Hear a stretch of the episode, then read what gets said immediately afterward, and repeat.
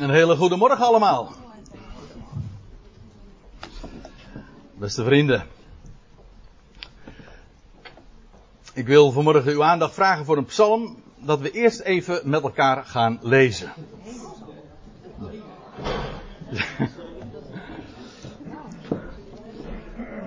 De vorige keer toen ben ik na afloop dat ik hier gesproken heb bekritiseerd door vrouw en kinderen en misschien nog wel door meer mensen, maar daar weet ik dan niet van. Achter mijn rug om. Over de lengte van mijn toespraak. En dat klopte, want dat was buitensporig lang. Maar ik had dat zelf niet in de gaten. En dat ging toen maar over een paar versen. Nu ga ik u meenemen naar Psalm 119. En sommige mensen zullen dan ongetwijfeld denken van nou, als André Piet over Psalm 119 gaat spreken, maak je borst dan maar nat. Even voor de goede orde. Als u wil weten waar Psalm 119 ligt, u slaat uw Bijbel open en u, bent, u kent de, de Bijbelboeken niet zo uit uw hoofd waar te vinden. Dan heb je grote kans dat als u hem precies zo op de helft openslaat, ja, dan, dan zit je heel dicht bij Psalm 119. Ik heb me laten vertellen dat het middelste vers Psalm 118 vers 8 is. En voor Psalm 118 heb je de kortste psalm van de Bijbel. Psalm 117. Dat had ook nog een optie geweest om iets goed te maken. Hè, voor deze morgen. Maar laat ik u dit zeggen. Ik ga u uh, vanmorgen niet zozeer uh, meenemen naar de inhoud van deze psalm. Maar wat meer een een totaal blik geven over wat er nu, waar het in deze psalm over gaat en vooral wie deze psalm geschreven heeft. Een helikopterview, zoals dat met een mooi woord heet. En laat ik eerst even een paar opmerkingen in het algemeen over deze psalm maken. Het is de langste van alle 150 psalmen, maar het is nog sterker. Het is het langste hoofdstuk van de hele Bijbel. In totaal 176 versen. En deze psalm is op een bijzondere wijze opgebouwd, zoals trouwens wel meer psalmen. En ook wel andere bijbelgedeelten, bijvoorbeeld het boek Klaagliederen. Hou hem even in gedachten, want dat werpt dan ook weer licht op waar we het later over gaan hebben. Ook het boek Klaagliederen is in de afzonderlijke hoofdstukken ook alfabetisch opgebouwd. En wat bedoel ik met alfabetisch opgebouwd? Het Hebreeuwse alfabet kent 22 letters. En deze psalm bestaat uit 22 delen. Van ieder acht strofen of acht versen. Dat betekent dus 22 keer 8. Dat is in totaal 176 versen. En waarbij elk deel van die 22 delen dus, elk deel van die psalm weer begint, elk van de acht versen, van de, elk van de acht strofen, begint met dezelfde Hebreeuwse letter. Dus om eventjes dat wat aanschouwelijk te maken, dit is de Hebreeuwse tekst. Dit zijn de eerste acht versen en die beginnen allemaal met de Alef. Onze A, zeg maar. Niet helemaal, maar het Griekse alfa. De Alef, ziet u? En dan vervolgens de volgende acht versen beginnen allemaal in het Hebreeuws. Kijk, dat gaat natuurlijk allemaal verloren, die alfabetische volgorde, als je een vertaling hebt, want dan gaat het verhaal natuurlijk niet meer op. Het is ook niet het Nederlandse alfabet, maar het Hebreeuwse alfabet. Die Hebreeuwse, uh, dat tweede deel begint dus met de beet. Als u trouwens een statenvertaling hebt, dan zie je dat ook boven al die delen keurig vermeld. Een alef, bet, gimel, dalet, he, waf, shin, et cetera. 22 stuks. In de MBG-vertaling hebben ze dat er niet meer bij vermeld en dat vind ik eigenlijk wel een gemis.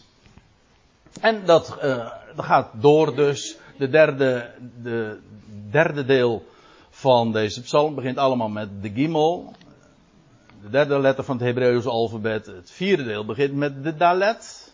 En het vijfde deel begint met de he. Nou, en zo zou ik 22 delen zo door kunnen gaan. En met perfectie is het dus zo opgebouwd. 22 keer 8. Waarbij 8 en dat zeg ik eventjes ook voor de fijnproevers en voor degenen die een klein beetje ook weet, wat weten van de Bijbelse symboliek, dat acht het getal is van nieuw leven en ook van een totaal nieuw begin. De zeven is een volheid, waarbij de acht dus feitelijk het begin is van een nieuwe reeks. Maar goed, dat moet toch duidelijk zijn als wij op de zondag bij elkaar komen. De eerste dag van de week, maar je zou ook kunnen zeggen, het is de dag na de zevende dag, dus de achtste dag. De acht is een nieuw begin en daarmee ook van nieuw leven. Het is de dag ook geweest, wat ik nu zeg is omstreden, maar wat mij betreft duidelijk. De dag ook dat de Heer opstond uit de doden en nieuw leven aan het licht bracht. En in deze psalm, en dat is wat toch niet mag ontgaan. Hoe staat het er in onze vertaling dan boven, in de MBG-vertaling? De heerlijkheid der wet. De heerlijkheid van de Torah. Dat is namelijk het Hebreeuwse woord wat daarvoor gebruikt wordt. Wet heeft bij ons natuurlijk uh, nogal de klank van dit moet, dat moet. Terwijl het Hebreeuwse woord Torah die gedachte niet heeft. Torah betekent onderwijzing. Of eigenlijk zelfs, het is afgeleid van een, van een werkwoord dat met de vingerwijze uh, vertaald kan worden. Dat wil zeggen, het is een vingerwijzing van God. God laat dingen zien en onderwijst op die manier ook. Dat is de Torah. En de heerlijkheid van het woord van God wordt bezongen. En vandaar ook die, die alfabetische opbouw van A tot Z, zouden wij dan zeggen. Of in de, op zijn Hebreeuws dan van Alef tot Taf. Taf is de laatste Hebreeuwse letter. En in alle delen komt dat zo ontzettend duidelijk naar voren. De geweldige glorie van Gods woord. Gods onderwijzing. En als ik dat zo gezegd heb, moet ik er nog bij, iets bij zeggen. Want die Torah heeft in deze psalm acht verschillende aanduidingen. Torah is daar dus één van. Maar er, zijn nog zeven synoniemen voor dat woord. En dat zie je eigenlijk ook meteen al als je die eerste zeven versen al neemt. Hè, dan heb je de wet. Ik, ik heb hier de MBG-vertaling in dat grijs staan. De wet, de getuigenissen, zijn wegen, uw bevelen, uw inzettingen, geboden enzovoorts. Dus om het eventjes op een rijtje te zetten. De eerste aanduiding is toch de Torah. En dan vervolgens de getuigenissen. Gods, het getuigt namelijk vooral van wie God is en wat de voetsporen zijn die hij zo in de geschiedenis van Israël en van de volkerenwereld in het algemeen gezet heeft. De wegen die hij gaat. Of zijn bevelen, of misschien letterlijker zijn voorschrift. Dat wat hij voorschrijft. En dat zou je zelfs nog heel erg profetisch kunnen opvatten. Dat wil zeggen wat hij tevoren opschrijft en laat optekenen, zodat een voorschrift ook de gedachte in zich heeft. Het is profetisch. Het schrijft van tevoren op hoe de dingen zullen zijn. En het zijn inzettingen, statuten of geboden. Dat wil zeggen instructies, verordeningen. Nou, u voelt wel aan, dat zijn allemaal verschillende aanduidingen van één en hetzelfde. De Torah. Strikt genomen is dat voor de psalmist in ieder geval, zijn dat de eerste vijf boeken van de Bijbel, de boeken van Mozes. Maar meer in het algemeen is het een aanduiding feitelijk van heel de schrift. Van dat wat God heeft laten optekenen, zijn getuigenissen. Dus als je het bekijkt met de ogen van de psalmist was dat natuurlijk nog veel beperkter. Het woord van God was nog niet gecompleteerd zoals in onze dagen. Maar goed, de waarheid verandert daardoor strikt genomen natuurlijk niet. Acht verschillende aanduidingen en daar klinkt natuurlijk weer door de volmaaktheid van het woord, maar ook hoe in dat woord nieuw leven uh, geopenbaard wordt, onthuld wordt, maar ook verborgen in is. Maar daar kom ik aan het eind nog even op terug. Oh ja, en dan hadden we, die was ik nog vergeten. Als u wel geteld had, dan had u gezien van dat het er maar zeven zijn. Uh, woorden, uiteraard. Het woord, Hebreeuwse woord dabar. Dat zijn allemaal aanduidingen van de Torah in Psalm 119. En de heerlijkheid, de geweldige glorie daarvan wordt bezongen in deze psalm. Nou staat er geen naam bij deze psalm geschreven. En dat is natuurlijk waar, iets waarvan je uh, naar de mens gesproken zou kunnen zeggen: hé, hey, dat is een, een, een, lacune, een gebrek. Daar, uh, we missen iets. Maar ik ga ervan uit dat, zoals de psalmist zelf ook aangeeft, dat Gods woord volmaakt is. Dat is niet zo. Het is dus geen lacune, het is geen onvolkomenheid. En er zijn trouwens verschillende namen wel voorgedragen. De meest bekende is wel dat het David zou zijn. En de reden daarvoor is uh, wel vrij simpel, omdat David in veel opzichten ook wel beantwoordt aan het profiel. Maar ik laat u straks zien, en ik hoop ook overtuigend, niet, uh, niet afdoende. Hij, David beantwoordt niet helemaal aan het profiel, maar men zegt dit ook mede doordat deze psalm in veel opzichten lijkt op een psalm, op een andere psalm, niet 119, maar psalm 19. En daar zijn hele opmerkelijke parallellen. Dus het is niet helemaal uit de, lucht gegrepen.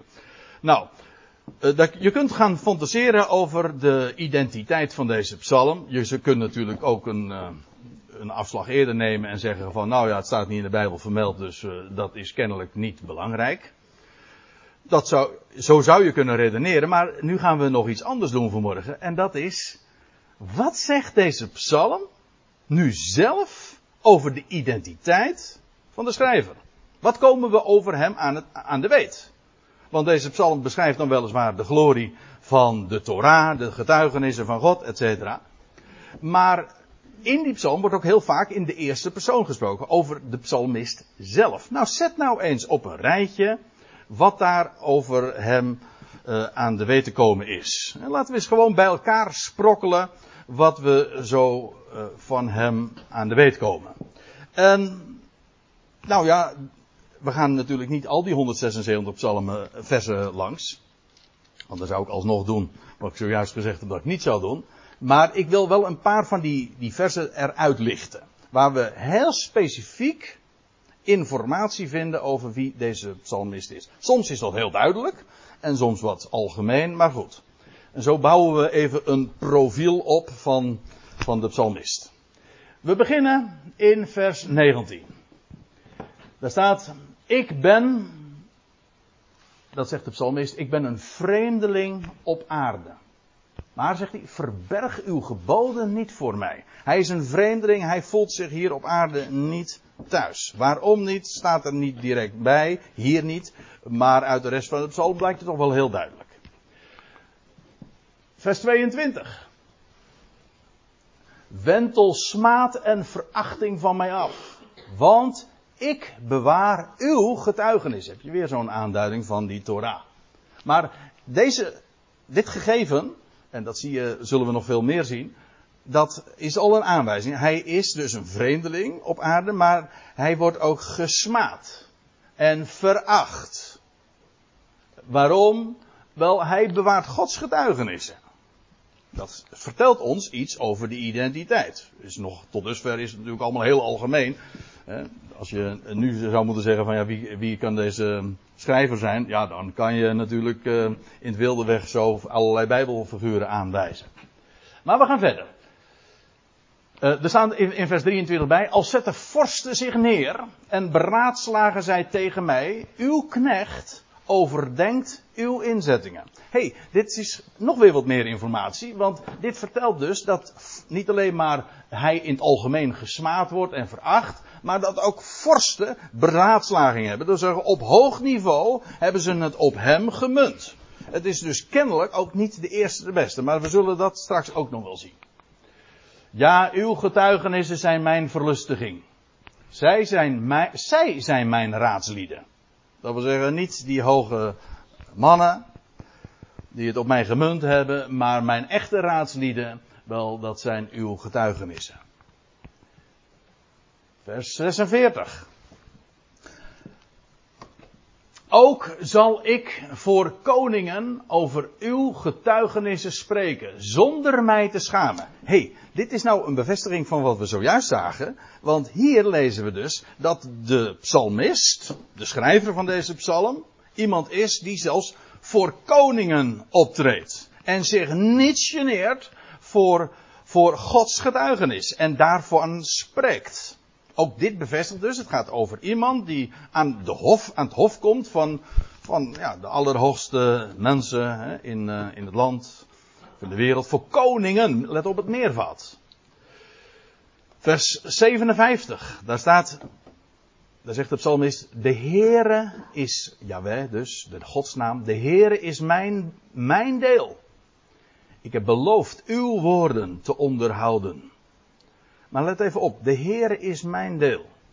Dit is een, een uitdrukking die ontleend is aan, aan inderdaad de Torah, aan de eerste boeken van Mozes.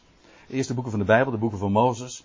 Waar we dit lezen van Levi. De stam van Levi. Alle stammen kregen een deel in het land. Eén stam niet.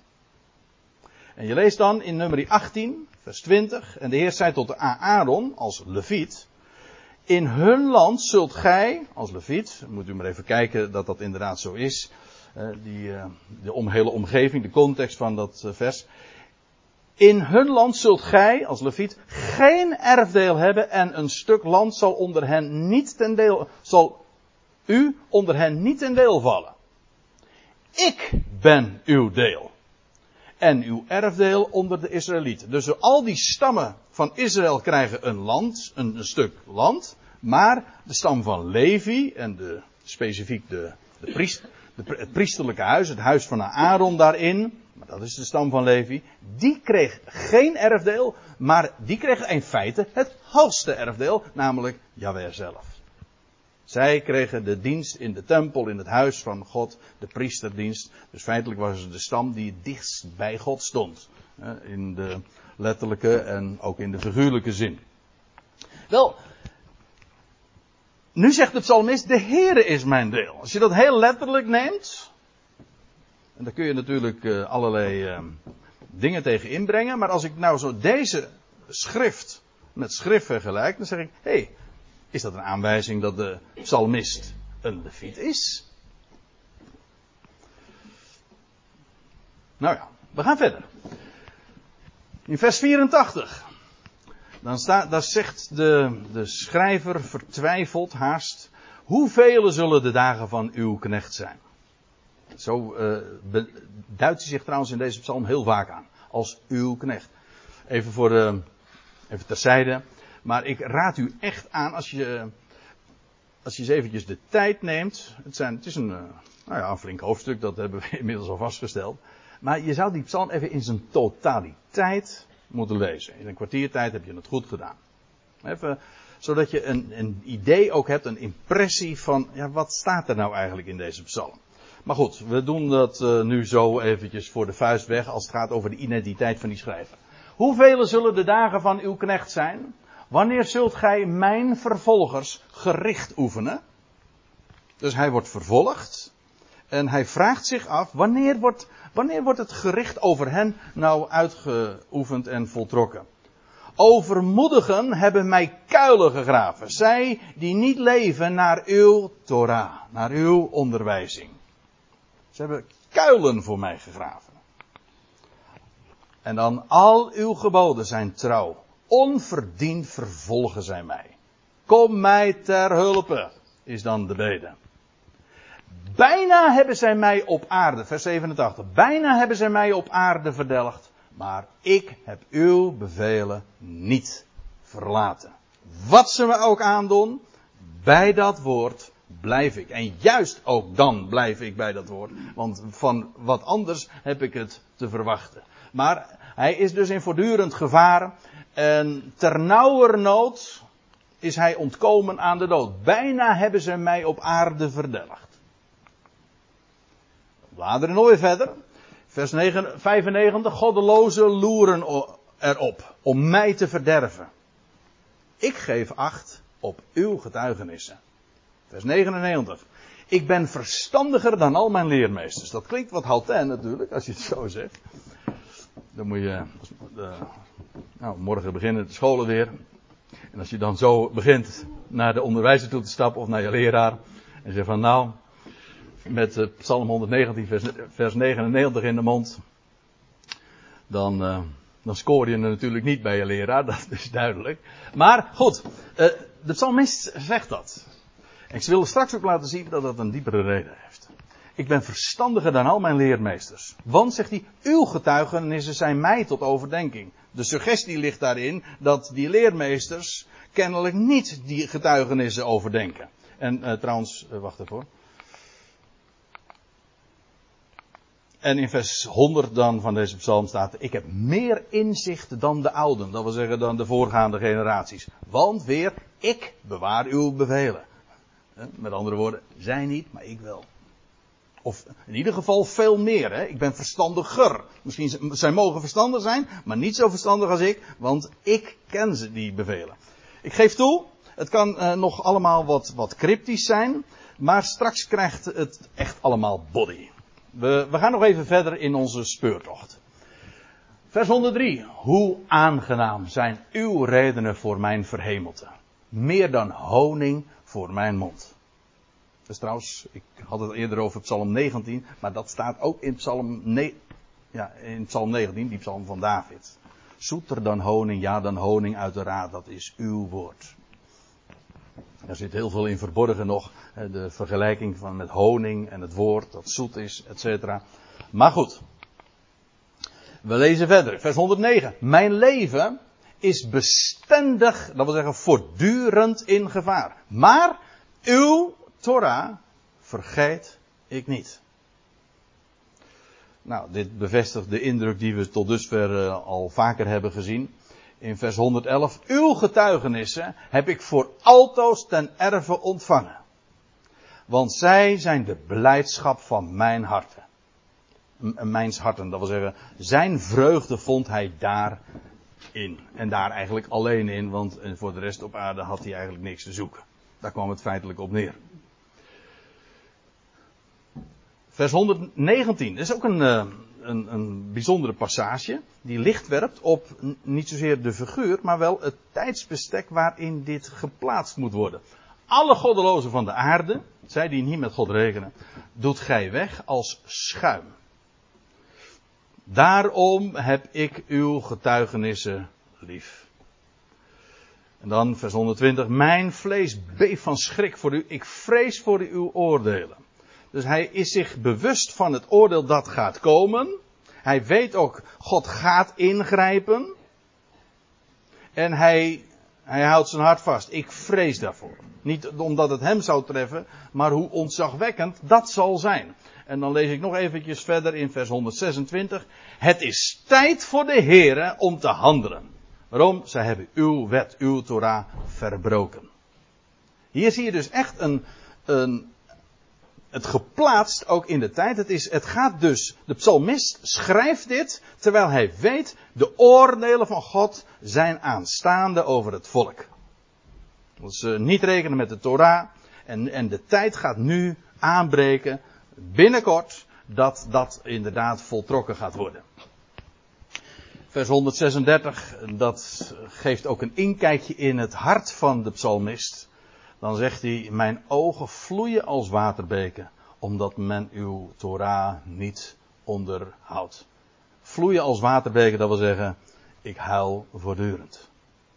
Hij, is, hij stelt niet alleen maar vast uh, dat, zij, dat, dat zijn omgeving totaal geen boodschap heeft aan het woord van God, maar hij stelt dat met groot verdriet, geëmotioneerd vast. Het is hem echt uh, een reden van, van grote treurnis.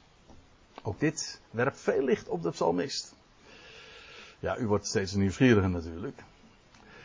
Maar we gaan nog even, nog even door. Eh, vers 157. Talrijk zijn mijn vervolgers en mijn tegenstanders. Doch van uw getuigenissen wijk ik niet af. 161. Vorsten vervolgen mij. Zonder oorzaak. Maar mijn hart, mijn hart vreest voor uw woorden. Zie iedere keer dat maar en toch en dan altijd weer dat woord, de getuigenis, de inzetting, het Torah. Nou, het is nu tijd om die, die impressie van, de, van wie de personage achter deze psalm is, eens even te gaan samenvatten. Laten we het eens eventjes op een rijtje zetten. Nou, één ding is toch wel heel duidelijk. De Torah is zijn grote vreugde. Nog iets. De Heere, jawel, is zijn erfdeel. Hij is verstandiger dan de oudere generatie. Of generaties. Hij sprak tot koningen. Hij is in tranen over het afvallige volk. En hij weet, het oordeel van Yahweh, dat is aanstaande. Hij is, zo voelt hij zich, een vreemdeling op aarde. Hij wordt gesmaad, vervolgd. Hij is in bestendige, zong, uh, zong die, zei die, schreef die, in gevaar. En er werden kuilen voor hem gegraven. Misschien dat er nog wel wat meer dingen over hem te melden zijn. Maar dit zijn veruit de, de belangrijkste dingen die we aan de weet komen over de psalmist. Nou, wie zou nou werkelijk beantwoorden aan al deze kenmerken? Welk bijbels personage denkt u? De Heer Jezus Christus. Ja, dat kan eigenlijk natuurlijk niet missen. En, toch ga ik u nu iets anders vertellen. Wie zei dat? Die wilde ik horen. Ja. En het, kijk, laat ik eerst eventjes over het eerste antwoord zeggen. Want dat, dat die had ik kunnen verwachten. En dat betekent dat je, als u dat antwoord geeft, dan kun je er echt nooit naast zitten. Want inderdaad, heel de schrift getuigt van hem. En ook deze psalm, dat is niet zozeer het onderwerp van vanmorgen. Als ik een vervolg hierop zou moeten houden, dan zou ik er graag een keer over willen spreken. De Heer Jezus Christus in deze psalm. Hij zegt bijvoorbeeld, eh, even één ding. Hij zegt nogal een keer, nogal eens in deze psalm, maak mij levend door uw woord. Nou, in wie is dat vervuld? Letterlijk. Hè, dat hij uit de groeven werd uh, opgewekt en dat hij opstond en leven aan het licht bracht. En trouwens, en daarmee ook het getal 8 werkelijk ook vorm gaf en inhoud gaf. Allemaal tot je dienst, maar een, ik bedoel, een, want het gaat over de schrijver. Ik heb het dus niet over naar wie deze psalm verwijst, naar de schrijver van deze psalm. Nou, dat was niet de Heer Jezus Christus, dat lijkt me toch duidelijk.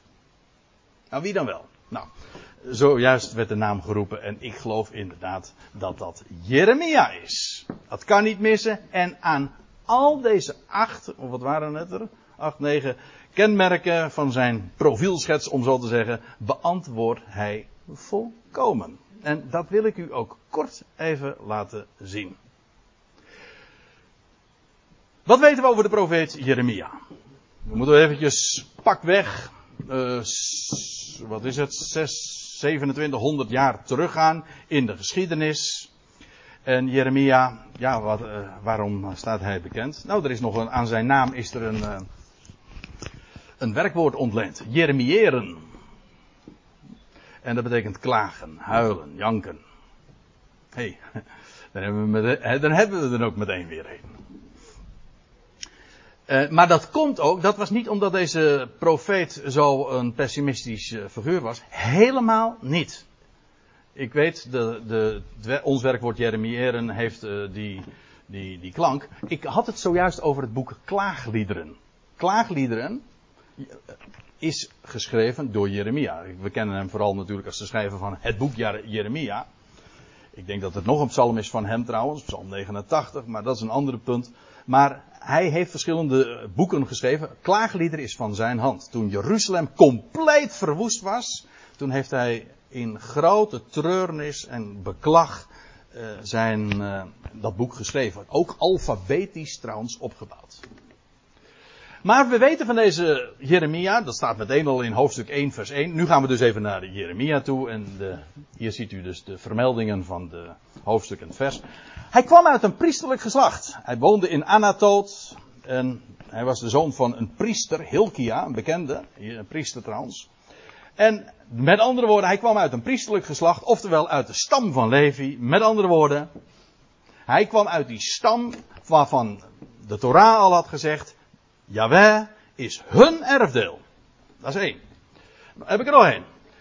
Deze Jeremia werd geroepen in de dagen van koning Josia. En toen, dat was toen de handgeschreven Torah van Mozes in de tempel werd gevonden. Ja, het risico, nou het, nadeel van wat ik nu uh, naar voren breng, is dat als je niet zo vertrouwd bent met de Bijbelse geschiedenissen, dat uh, ik nu een, het een en ander als bekend moet veronderstellen. Ik kan niet alles uh, uitleggen natuurlijk. Maar goed, ik geef niet voor niks de bonnetjes erbij, zodat u het allemaal kunt, kunt nalezen en waar dat dan staat. Maar Josia, dat was een koning, een van de laatste koningen van het huis van Juda, vlak voor de verwoesting van Jeruzalem. Maar een van de laatste koningen, en die heeft een enorme, ja, in zijn dagen vond er een enorme revolutie plaats. Nou, ik kan beter zeggen, een reformatie. Want er de, de, de handgeschreven rol de boeken van Mozes werd gevonden in de tempel. Kwam onder het stof vandaan, hoe dan, werd gevonden door trouwens de vader. Door de vader van Jeremia, Hilkia. En dat, toen werd het gevonden.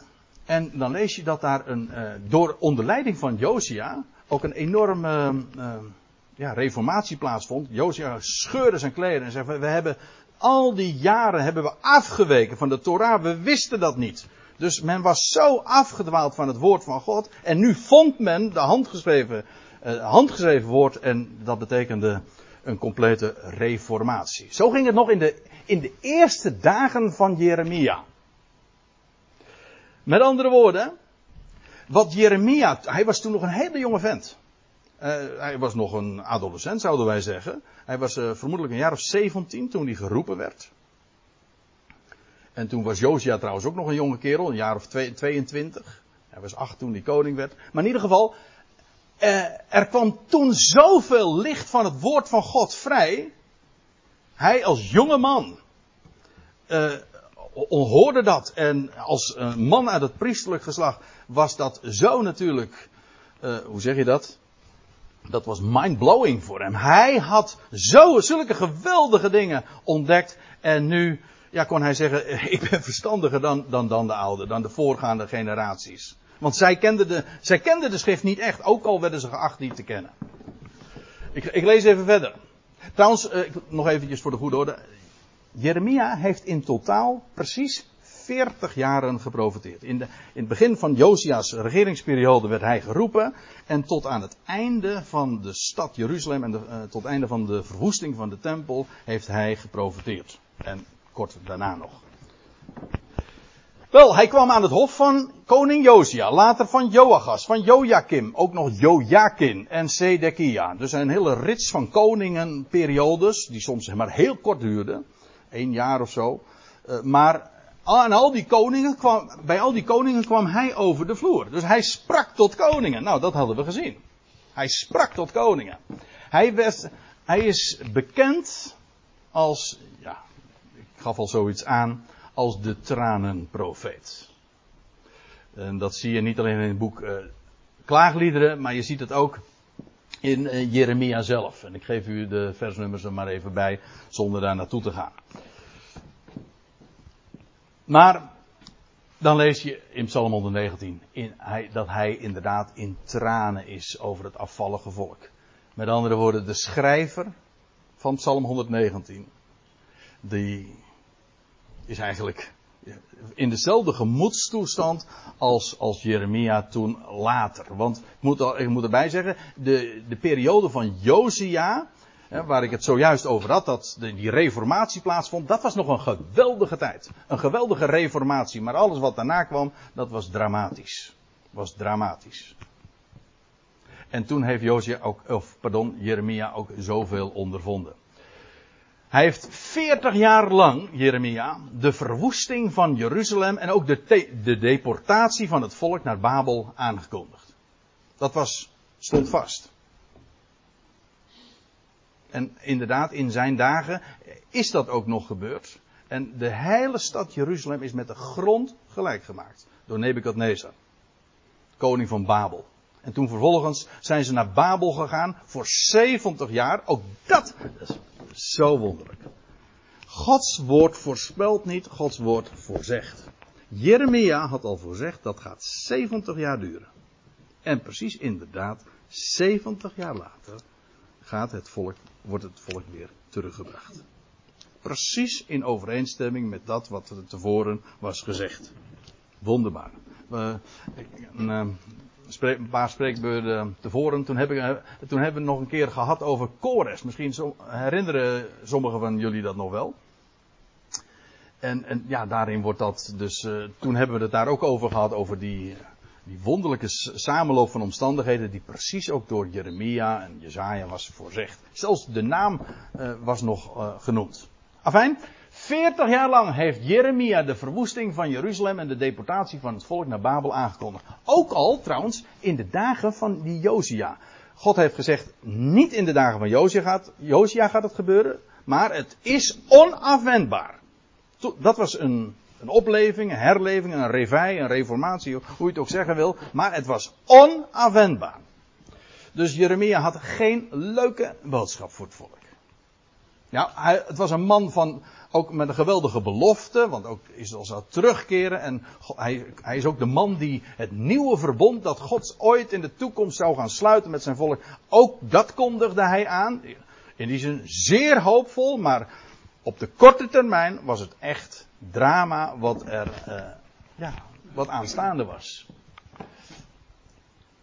Nou, dat is precies ook wat we zagen in Psalm 119.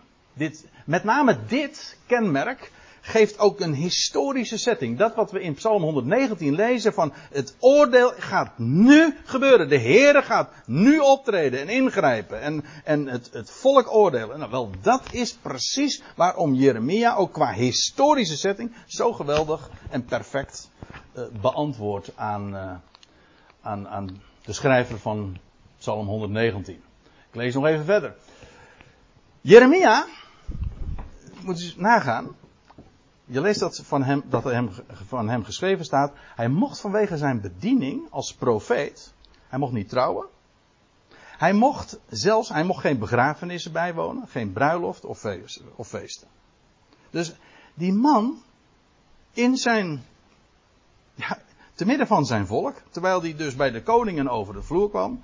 Hij was gewoon een vreemdeling op aarde. Echt een vreemdeling. Hoe, dan moet je nagaan, zoals gezegd, hij kwam daar aan het, hij was kind aan huis aan het hof, dat wil zeggen hij was een profeet, priester, zeker niet de eerste beste, en toch hij was een vreemde. Eigenlijk, dat wat God had gezegd is, uh, dat zou ook aanschouwelijk onderwijs voor het volk moeten zijn. Kijk, Jeremia sprak niet alleen maar, maar de wijze waarop hij leefde en zich onttrok aan alle toestanden van het volk. En hij leefde in een sociaal isolement, zoals zouden wij zeggen een vreemdeling op aarde. Zo zie je dat als uh, je. Als je Psalm 119 zo leest, en je, je, dan krijgt het echt met recht body. Hè? Het wordt, deze psalm uh, en de schrijver wordt echt somebody. Je, je, krijgt, het krijgt een naam, het, het krijgt een frame, een, een raamwerk. En je kan het dan ook plaatsen in een historische context. Nou, en dan wordt alles heel concreet. Het is maar niet zomaar een vaag bezingen, vage bezinging van Gods woord en dat in het luchtledige hangt. Nee, het is. Uh, het, het, staat in, in, een historische context. En als je schrift met schrift vergelijkt, wel, dan kom je hiertoe. Even terug. Jeremia, hij werd gesmaad. Ik verwijs hier naar allemaal schriftplaatsen in het boek Jeremia. Hij werd vervolgd. Hij was voortdurend ook in gevaar. Nou, dat is precies wat we ook van de psalmist lazen. Ook hier weer een perfecte match. En dan.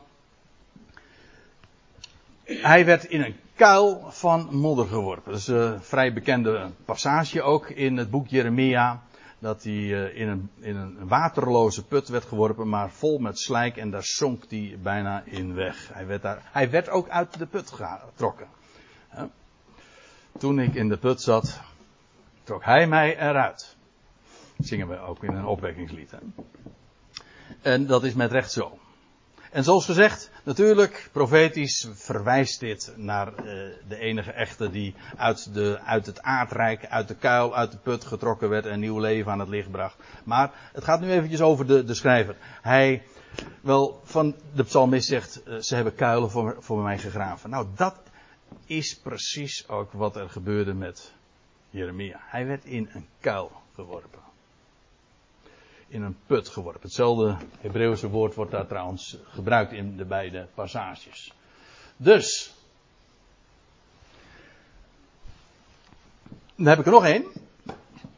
ondanks alles, hè, van die vervolging, dan staat er in hoofdstuk 15, vers 16 van Jeremia: Zo vaak uw woorden gevonden werden, at ik ze op. Uw woord was mij tot vreugde en blijdschap van mijn hart. Want uw naam is over mij uitgeroepen. Here, God der Heerschade. Toen hij ooit geroepen werd, toen zei hij van, alsjeblieft mij niet. Ik ben nog veel te jong. En toen zei de Heer van, uh, wie heeft de mond gegeven om, om te spreken? Dus Jeremia werd echt geroepen. Hij was ook, je leest dat ook van Jeremia. Hij was van de schoot van zijn moeder al uitverkoren. Hij, hij moest het wezen. En, maar van deze Jeremia lees je dat ondanks al die omstandigheden, het woord was voor hem voedsel. En als honing zo zoet. Precies wat de psalmist in 119e psalm ook dus zegt. Een blijdschap. Een woord van vreugde. Meer dan honing voor mijn mond, schreef hij in Psalm 119. Zodat we zo aan het einde van deze uh, ja, helikopterview, zoals gezegd, uh, niet anders dan kunnen vaststellen dat deze psalm inderdaad geschreven is door iemand die we in de Bijbel kunnen herkennen. Zijn naam wordt niet vermeld, maar wie aandachtig leest, een schrift met schrift vergelijkt, die komt als vanzelf bij Jeremia uit. Die uh, de, de perfecte match als het ware beantwoordt van de schrijver van Psalm 119. En dan wil ik graag uh, nog iets lezen. Ja, dus deze psalm, daar, staan zulke geweldige dingen in over het woord van God. Dat is allemaal niet het onderwerp. Ja, dat, uh, ik, ik, moet mij beperken. Dat heb ik ook beloofd aan mijn, uh, aan mijn huisgenoten. Dus ik wil het hierbij houden. Maar ik wil uh, nog u wijzen op één, op één passage in de 119e psalm. Dat wil ik u niet onthouden. En ik denk dat ik daarmee ook heel goed aangeef en weer en samenvat waar het in deze psalm over gaat. Daar zegt Jeremia dit. Wonderbaar zijn uw getuigen. Wonderbaar moet je heel letterlijk nemen. Dat wil zeggen wonderlijk. Verwonderlijk ook. Dat wil zeggen, we vragen ons af hoe iets kan. Dat is toch wat verwonderen is. In het Engels zeggen ze I wonder. Nou, dat is. Die schrift is zo geweldig. Dat je voortdurend verwonderd bent hoe is dit mogelijk? En daarom bewaart ze mijn ziel. En dan staat er het openen van uw woorden. Dat wil zeggen, op het moment dat je die, die, die schriften opent, dan verspreidt dat licht. Dat woord hoef je niet te verdedigen. Je hoeft geen licht op het woord te werpen, zoals uh, ik dat eens een keer las van een uh, boek. Te zeggen van ja, dat woord, uh, dat boek, dat werpt heel veel licht op de Bijbel. En dat vind ik wat wonderlijk, want volgens mij is het precies omgekeerd. Hm? Wat, wat is nou licht? De schrift werpt licht. Wel, als de schrift open gaat, dan gebeuren er geweldige dingen. Daarom, je hoeft ook dat woord helemaal geen franje te geven. Spreek gewoon vanuit dat woord. En ze bewijst daarin zijn glorie. En ik wil er trouwens nog iets bij zeggen. Uh, het openen van uw woorden. Dat wil zeggen, eigenlijk wordt daar een woord gebruikt dat, uh, dat de betekenis heeft van een, iets openbreken. Zoals je een vrucht bijvoorbeeld, een kokosnoot, ik noem maar wat, openbreekt. Hè, zodat je, uh, je, moet het openbreken om vervolgens bij de inhoud te komen. In de eerste instantie is het gesloten. Het de woorden God zijn vaak gesloten. Dat wil zeggen ontoegankelijk. Wie het niet gelooft, die heeft er helemaal niks aan. Die zegt er zit helemaal niks in. Nee, maar op het moment dat ze geopend worden, dan verspreidt het licht. Dat is het geweldige. En ook om bezig te zijn met de verborgen dingen van het woord van God. Wat zit er allemaal in opgesloten? Vergis je niet, dat woord dient geopend te worden. Schrift met schrift, in geloof, gewoon neder. Wat hebt u te vertellen? En dan geeft het de onverstandige inzicht. Wel, dat lijkt mij in ieder geval de les van Psalm 119. En ik hoop dat u in het vervolg, wat, als u deze psalm onder ogen krijgt, of deze psalm zingt, of deze psalm, over deze psalm hoort, dat u wat een concreter idee hebt van wat deze psalm is, maar vooral ook wat de boodschap is van de psalmist, oftewel van Jeremia. Zullen we het hierbij houden voor vanmorgen?